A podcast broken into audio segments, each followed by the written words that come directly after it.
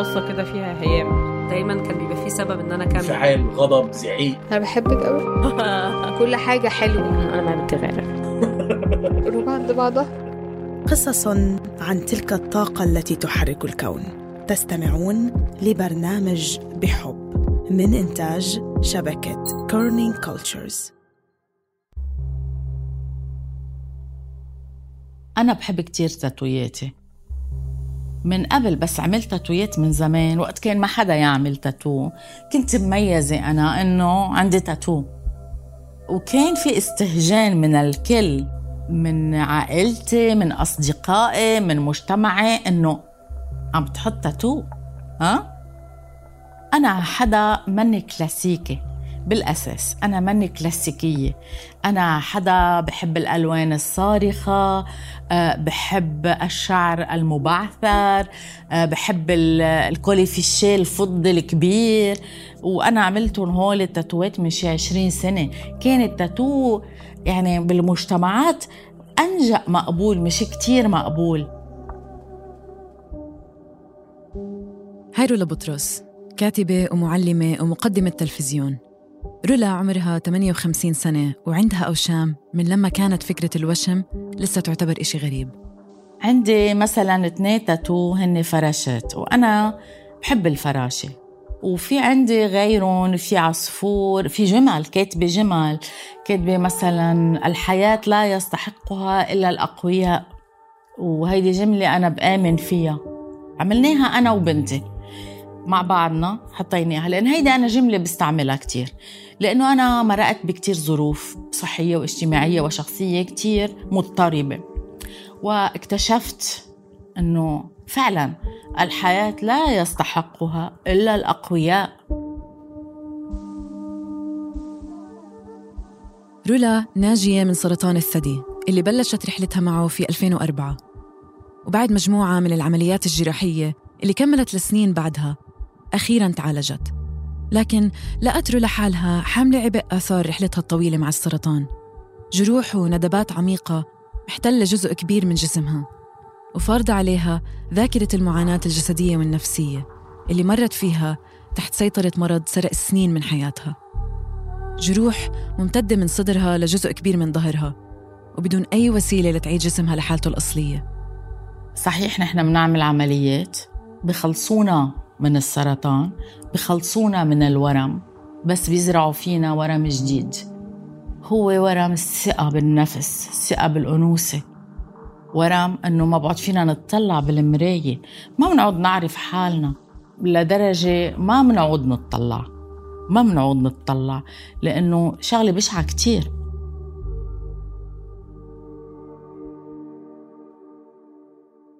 في يوم من الأيام ولما فكرت رولا إنه جروحها صارت جزء دائم من انعكاسها تعرفت على جوا اللي بتعطي خدمة مجانية بتسمح لنساء مثلها إنهم يغطوا العلامات والندبات الدائمة والناتجة من علاج السرطان. كيف؟ بوشم. فرصة ليقدروا يبنوا علاقة جديدة مع أجسامهم ويسترجعوا جزء خسروه في معركتهم مع الحياة والموت. أول تاتو أخذ استغرق الشغل فيه 8 ساعات. وتاني تاتو شي أربع أو خمس ساعات شغل متواصل.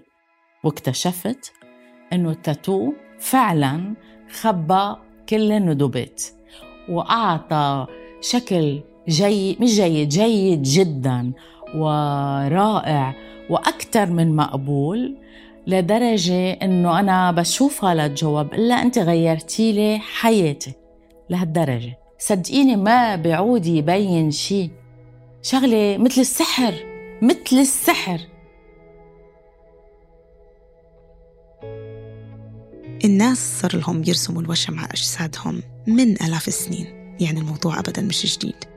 هاي الرسومات اللي بتضل بشكل دائم على الجسم بتكون مرات أشكال كتير بسيطة يعني مثلا أحرف أو شكل كتير بسيط ومرات كتير بتكون لوحات فنية حرفيا. دايما بيكون إلها بعد شخصي. زمان كان الوشم عبارة عن تمائم زينية أو رموز بتدل على مكانة اجتماعية أو سياسية أو حتى معتقدات دينية. وحتى كمان كانت طريقة عن إعلان الحب لشخص. حتى كان في مجتمعات تانية بتآمن إنه الوشم له دور علاجي خاصة للنساء في الفترات الصعبة من الحمل.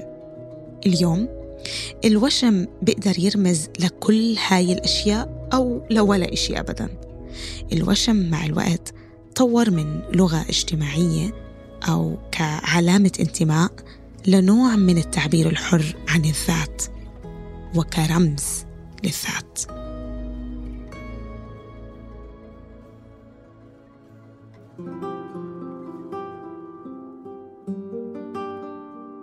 ممكن أكتر إشي أنا بخاف منه هو إني أخسر إشي بحبه. أتقيد بإشي دائم ما بقدر أتخلص منه أبداً. وجود هاي الازدواجية عندي وعند كتير أشخاص مثلي خلتني أفكر بقراراتي الشخصية وبأوشامي أنا. حالياً عندي خمس رسمات على إيدي التنتين تنين وقلب وشجرة تين وشمس ونجوم. كلهم كبار وواضحين وبيبرزوا جوانب مختلفة كتير مني. لحد معين بفهم السبب ورا كل واحد من أوشامي. بس صرت أفكر وأتساءل عن العناصر اللي بتخلي حدا غيري يكرس جزء من جسمه لرسمة أو رمز أو اسم أو كلمة. وممكن إنه مش كل وشم له معنى عميق لكن كل وشم في قصة وراه. أنا عندي على حالي. هلا هو usually it's secret لأنه العالم كلها بتسميني ال tattoo artist يلي ما عندها tattoos بس أنا عندي كتير tattoos وفينا نقول إنه فوق العشرة حتى ما اصدمكم أكثر بتتذكروا اسم جوا من بداية الحلقة؟ جوا أنطون من أكبر فنانين الأوشام اللبنانيين في العالم وصار لها بتوشم ناس لأكثر من عشر سنين. my favorite uh, في يعني كل وحدة إلها meaning يعني عندها على رقبتي وحدة العالم كلها بتشوفها. uh, يلي هي كاتبة اسم جدي بس بال French لأنه uh, كان من أنا وصغيرة هو أكتر مطرح ببوسني عليه اللي هو وقتها يسلم علي أنا قبل ما دق على حالي بلشت كان صار لي وقت كتير مبلشة دق تاتو. بس كنت خاف وأكتر كنت خاف من أهلي صراحة. لأنه أنا من عائلة أبدا بعيدة عن ال tattoos وهذا شيء كتير يعني تابو بالبيت ممنوع أبدا يكون في حدا عنده tattoos. so أنا فتت الشخص يلي لأ فوت التاتو فوت الشعر الأزرق على البيت فوت كل شيء ما بدهم إياه أهلي فوته على البيت. الوشم اللي بتعرضه جوا على الناجيات من سرطان الثدي. بلش لما إمها واجهت خطر الإصابة بالسرطان قبل سنين. حست جوا بعد ما نفدت إمها من الخطر إنه إلها قدرة تعمل فرق في حياة نساء ما كانوا محظوظين مثلها. وبلش مشروعها من هناك. من بعدها كتير نساء زاروا الاستوديو تبع جوا عشان يستفيدوا من أوشام تجميلية بدون أي مقابل. ومن وصف رولا غيروا حياتهم. so, هون قررت إنه آخذ ال decision إنه تكون for free يعني ما اخذ مصاري من ولا حدا بيجي بيعمل شيء من بعد ما يخلصوا ال cancer يعني يجوا يعملوا يخبوا ال scars تبعولن أو يعملوا ال nipple tattoo. أول ما بلشت كانت شوي عند العالم غريبة. يعني العالم ما تستوعب إنه أنا عم بحط على الإنستغرام صورة nipple معمولة تاتو. يبعتوا لي إنه ليه عم تحطي صورة nipple لحدا. فصرت فسر لكل شخص بشخصه إنه أنا هيدي تاتو. صرت حط صور before و after يسألوني ليه هيك؟ فسر لهم هو ليش هيك؟ صار العالم هي تعمل share مع الوقت وهون صار توصل لعالم أكثر يعني اللي أمه عاملة cancer يخبرها اللي قرايبينه اللي هيك لأنه هي usually كانت تكون عند عدد ناس يكونوا بالعمر الفوق 30 قبل كان يكون عندي مثلا وحدة أو اثنين بالشهر هلأ صرنا عم ناخد اثنين بالجمعة which ما فينا أعمل لأكثر من اثنين من الجمعة. هو اللي بخليك تكملي بهال projet هو ردة فعل الناس. يعني أنا تقلك إنه هيدا ال projet كلياته ما بيجي بطريقة سلبية أوقات على حياتي أنا شخصيا بلا. بس الشي اللي بخليني إنه أكون مبسوطة بالشي اللي عم بعمله وبدي بعد أعملها أكتر هو ال reaction تبعولن يعني ردة فعلهم وقتها توقف قدام المراية. في ناس بتقلي إنه صرت حاسة حالي مرة. أنا بشوفك كنت مرة أنت أنت مرة. مش هذا الشيء اللي بقول لك إنه أنت تكوني مرة بس هي هذا الشيء اللي بريحها. كلهم بيبكوا. ما في حدا ما بكى وكلهم أنا ببكي معهم لأنه أنا ببكي مع اللي بيبكي.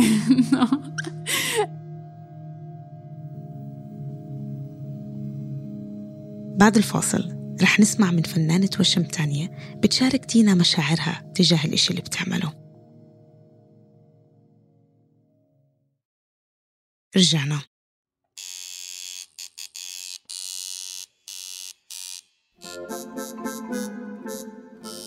بحس حالي كائن فضائي.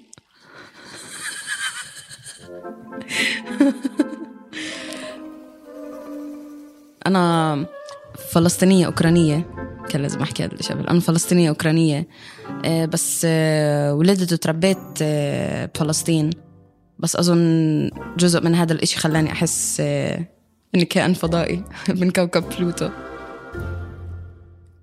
هاي نادية من فنانين الوشم الإقلال في رام الله.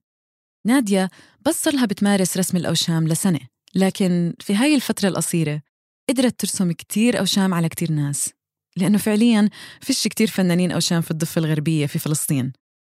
كونها طالبة فن ورسامة قدرت نادية إنها تدمج المجالين مع بعض. يعني عشان هيك إحنا بنغني وبنعبر وبنرقص لأنه في رغبة داخلية عم بتحاول إنها تطلع لبرا وتصير ملموسة ومشيوفة ومسموعة. ف اللي بيختلف مع التاتو إنه هذا الإشي موجود دايما ما بيروح هذا الإشي كمان هي فكرة بتوتر كتير ناس. في كتير كتير ناس بيجوا بيحكوا لي قديش هم بخافوا من فكرة إنه يصير في كوميتمنت لهذا الإشي الملموس يضل موجود دايما. بس أنا هذا الإشي بريحني. نادية من الأشخاص اللي صعب الواحد يوصف لكم إياها بسهولة. مثل أي حدا عنده أوشام كتير. من برا بتبين كشخصية قوية وغامضة وبتتحدى القوانين إمتى ما بدها. بشرتها فاتحة وشعرها داكن وعندها غرة مميزة بتبين زرائع عيونها. طبعا الأوشام اللي عندها بضيفوا على هذا الانطباع الحاد. لكن أول ما تحكي معها بتكتشف إنه نادية عكس هاي الصورة النمطية كلياً خاصة لما تحكي عن أمور أو أشخاص عزيزة عليها. وصحيح إنه نادية جريئة وبتكسر القوانين لكن حياة فنانة مثلها في مدينة مثل رام الله مش دايما بفتح مجال للمغامرة. فالوشم إلها كان جزء من تكوين شخصيتها وممارسة فنية فتحت لها مجال تتعامل وتتفاعل وتفهم صراعاتها الشخصية بطريقة جديدة من خلال جسمها وجسم الأشخاص اللي بيحطوا ثقتهم فيها. بحس أهم إشي هو التواصل من لحظة لما حدا يبعت لي مسج يطلب إنه بده تاتو ليدخل عندي على المحل لنحكي عن الوشم لتواصل على في فترة إنه أنا عم بوشم البني آدم لازم يكون في تواصل عم تتوجع عم بتحس تمام إيش مشاعرك خلال الجلسة؟ تحس إنه بدنا ناخد بريك يعني التواصل كتير كتير كتير مهم. وأكيد بحس في إشي كتير تأملي لما بكون بوشم الشخص. يعني في كل خط من الإبرة في كل نقطة حبر عم بفكر عم بطلع وعم بحرك في جسمي. فبحاول دايما إني أكون واعية على الطاقة اللي أنا موجودة فيها وأنا عم بوشم.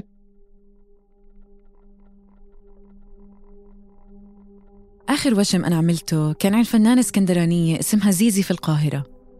كنت سامعة عن زيزي من صديقي في رام الله.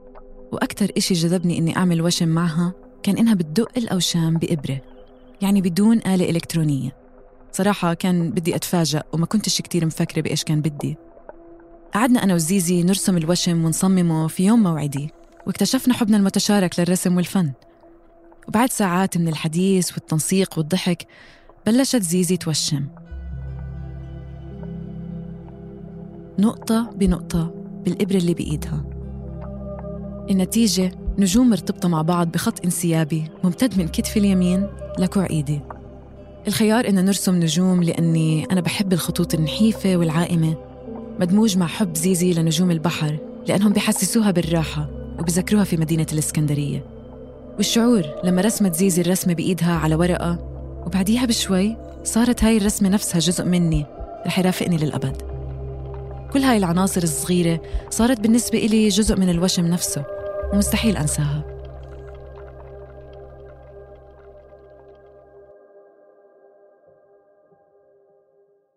بالعادة أغلبية الفنانين بيهتموا باستمرارية عملهم بأثاره الجمالية أو الفكرية على المدى الطويل وتأثيره على عمل أقرانهم.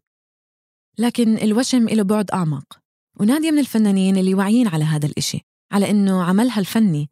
بطبيعته رح يغير إنسان آخر بشكل دائم. الوشم بيكون له متعلق في فكرة أو مشاعر أو ذكرى معينة كمان بيكون دايما متعلق في الشخص اللي وشم لك إياه. وقديش هذا الشخص ترك عليك أثر من أول ما بلشت هاي الرسمة تنرسم عليك. فبحس هذا الإشي كتير كتير كتير مهم يكون موجود. فعشان هيك بحاول أكون كتير واعية على طاقتي في المكان. والطاقة اللي أنا بستقبل فيها الناس عشان أوشمهم. نادية عندها حوالي 16 وشم على جسمها والمجموعة رح تكبر قريبا.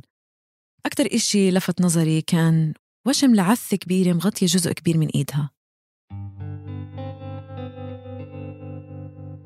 لما وشمتها كانت كانت في نهاية فترة كتير صعبة في حياتي وفي إحدى الأيام اللي كنت عم بمرق فيها الفترة الصعبة في حياتي كنت قاعدة بغرفتي و أجى على الشباك تبعي آه هذا الفراش.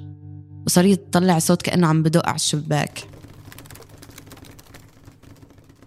وكان كتير واضح عن جد كأنه حدا عم بدق على الشباك.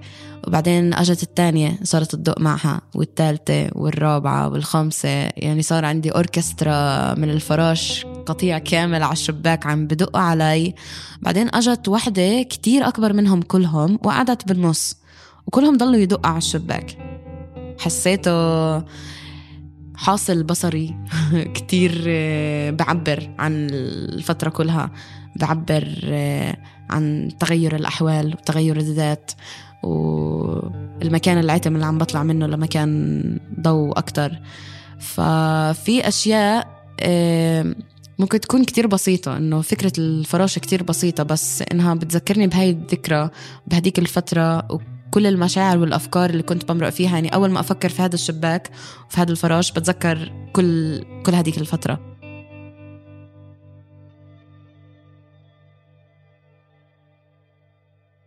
الدافع تبع نادية من كل هذا الفن هو ببساطة إنها تفهم العالم حواليها وتتواصل مع التجارب اللي بتمر فيها سواء كانت مؤلمة أو مفرحة.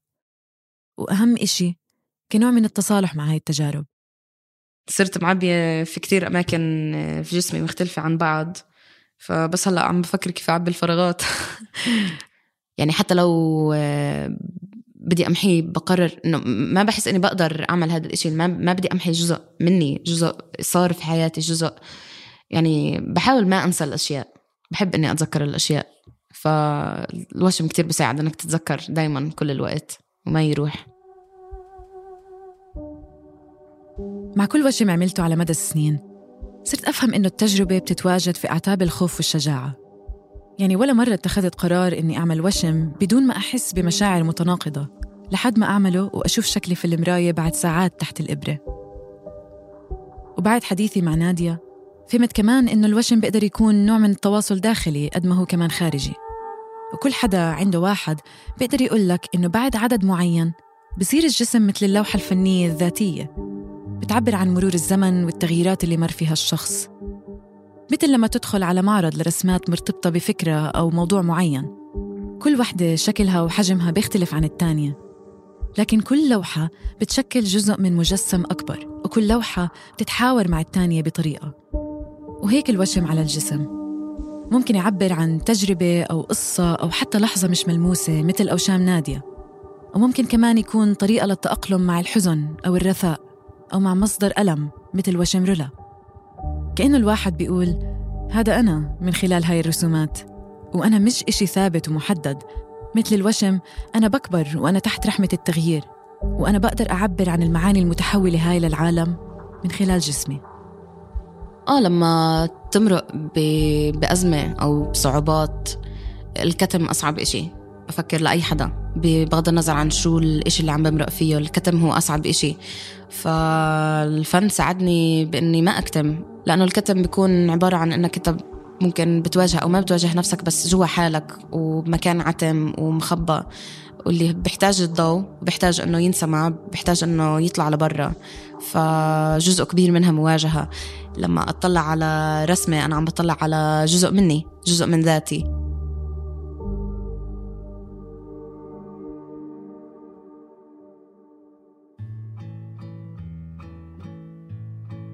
بحب أوشم ولادي. بالمستقبل. ماما ممنوع تروح على تاتو ارتست تاني.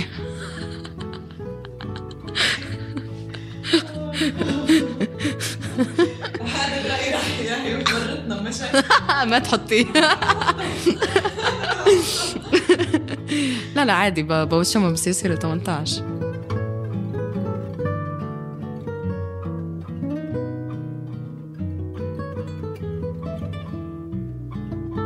هاي الحلقة من إعداد دينا سالم. شكر كبير لضيوف الحلقة رولا بطرس وجوا أنطون نادية أبو غوش لمشاركتنا كل هاي التفاصيل. طبعا شكر كبير لزيزي دوت ماركس واللي هي فنانة وشم موجودة بالقاهرة وهي كانت السبب اللي ألهم دينا تعمل هاي القصة. التصميم الصوتي ليوسف توزو وهاي الحلقة من تحرير أحمد فتيحة. بنحب نذكركم إنه دائما بتقدروا كمان تتابعونا على حسابنا على الإنستغرام واللي فيه بننشر قصص متعلقة بالقصة اللي بننتجها. آخر طلب للمستمعين إذا حبيتوا الحلقة ما تنسوا تشاركونا تقييمكم وتتركوا لنا رأيكم لأنه التقييم والرأي بسهل إنه الناس تلاقينا على منصات بودكاست أكتر. وإذا حبيتوا الحلقة ما تنسوا تشاركوها مع مين ما بتحبوا. وما تنسوا تشتركوا بالقناة وتضلكم متابعينا. بلاقيكم الأسبوع الجاي بحلقة جديدة من بحب. باي باي.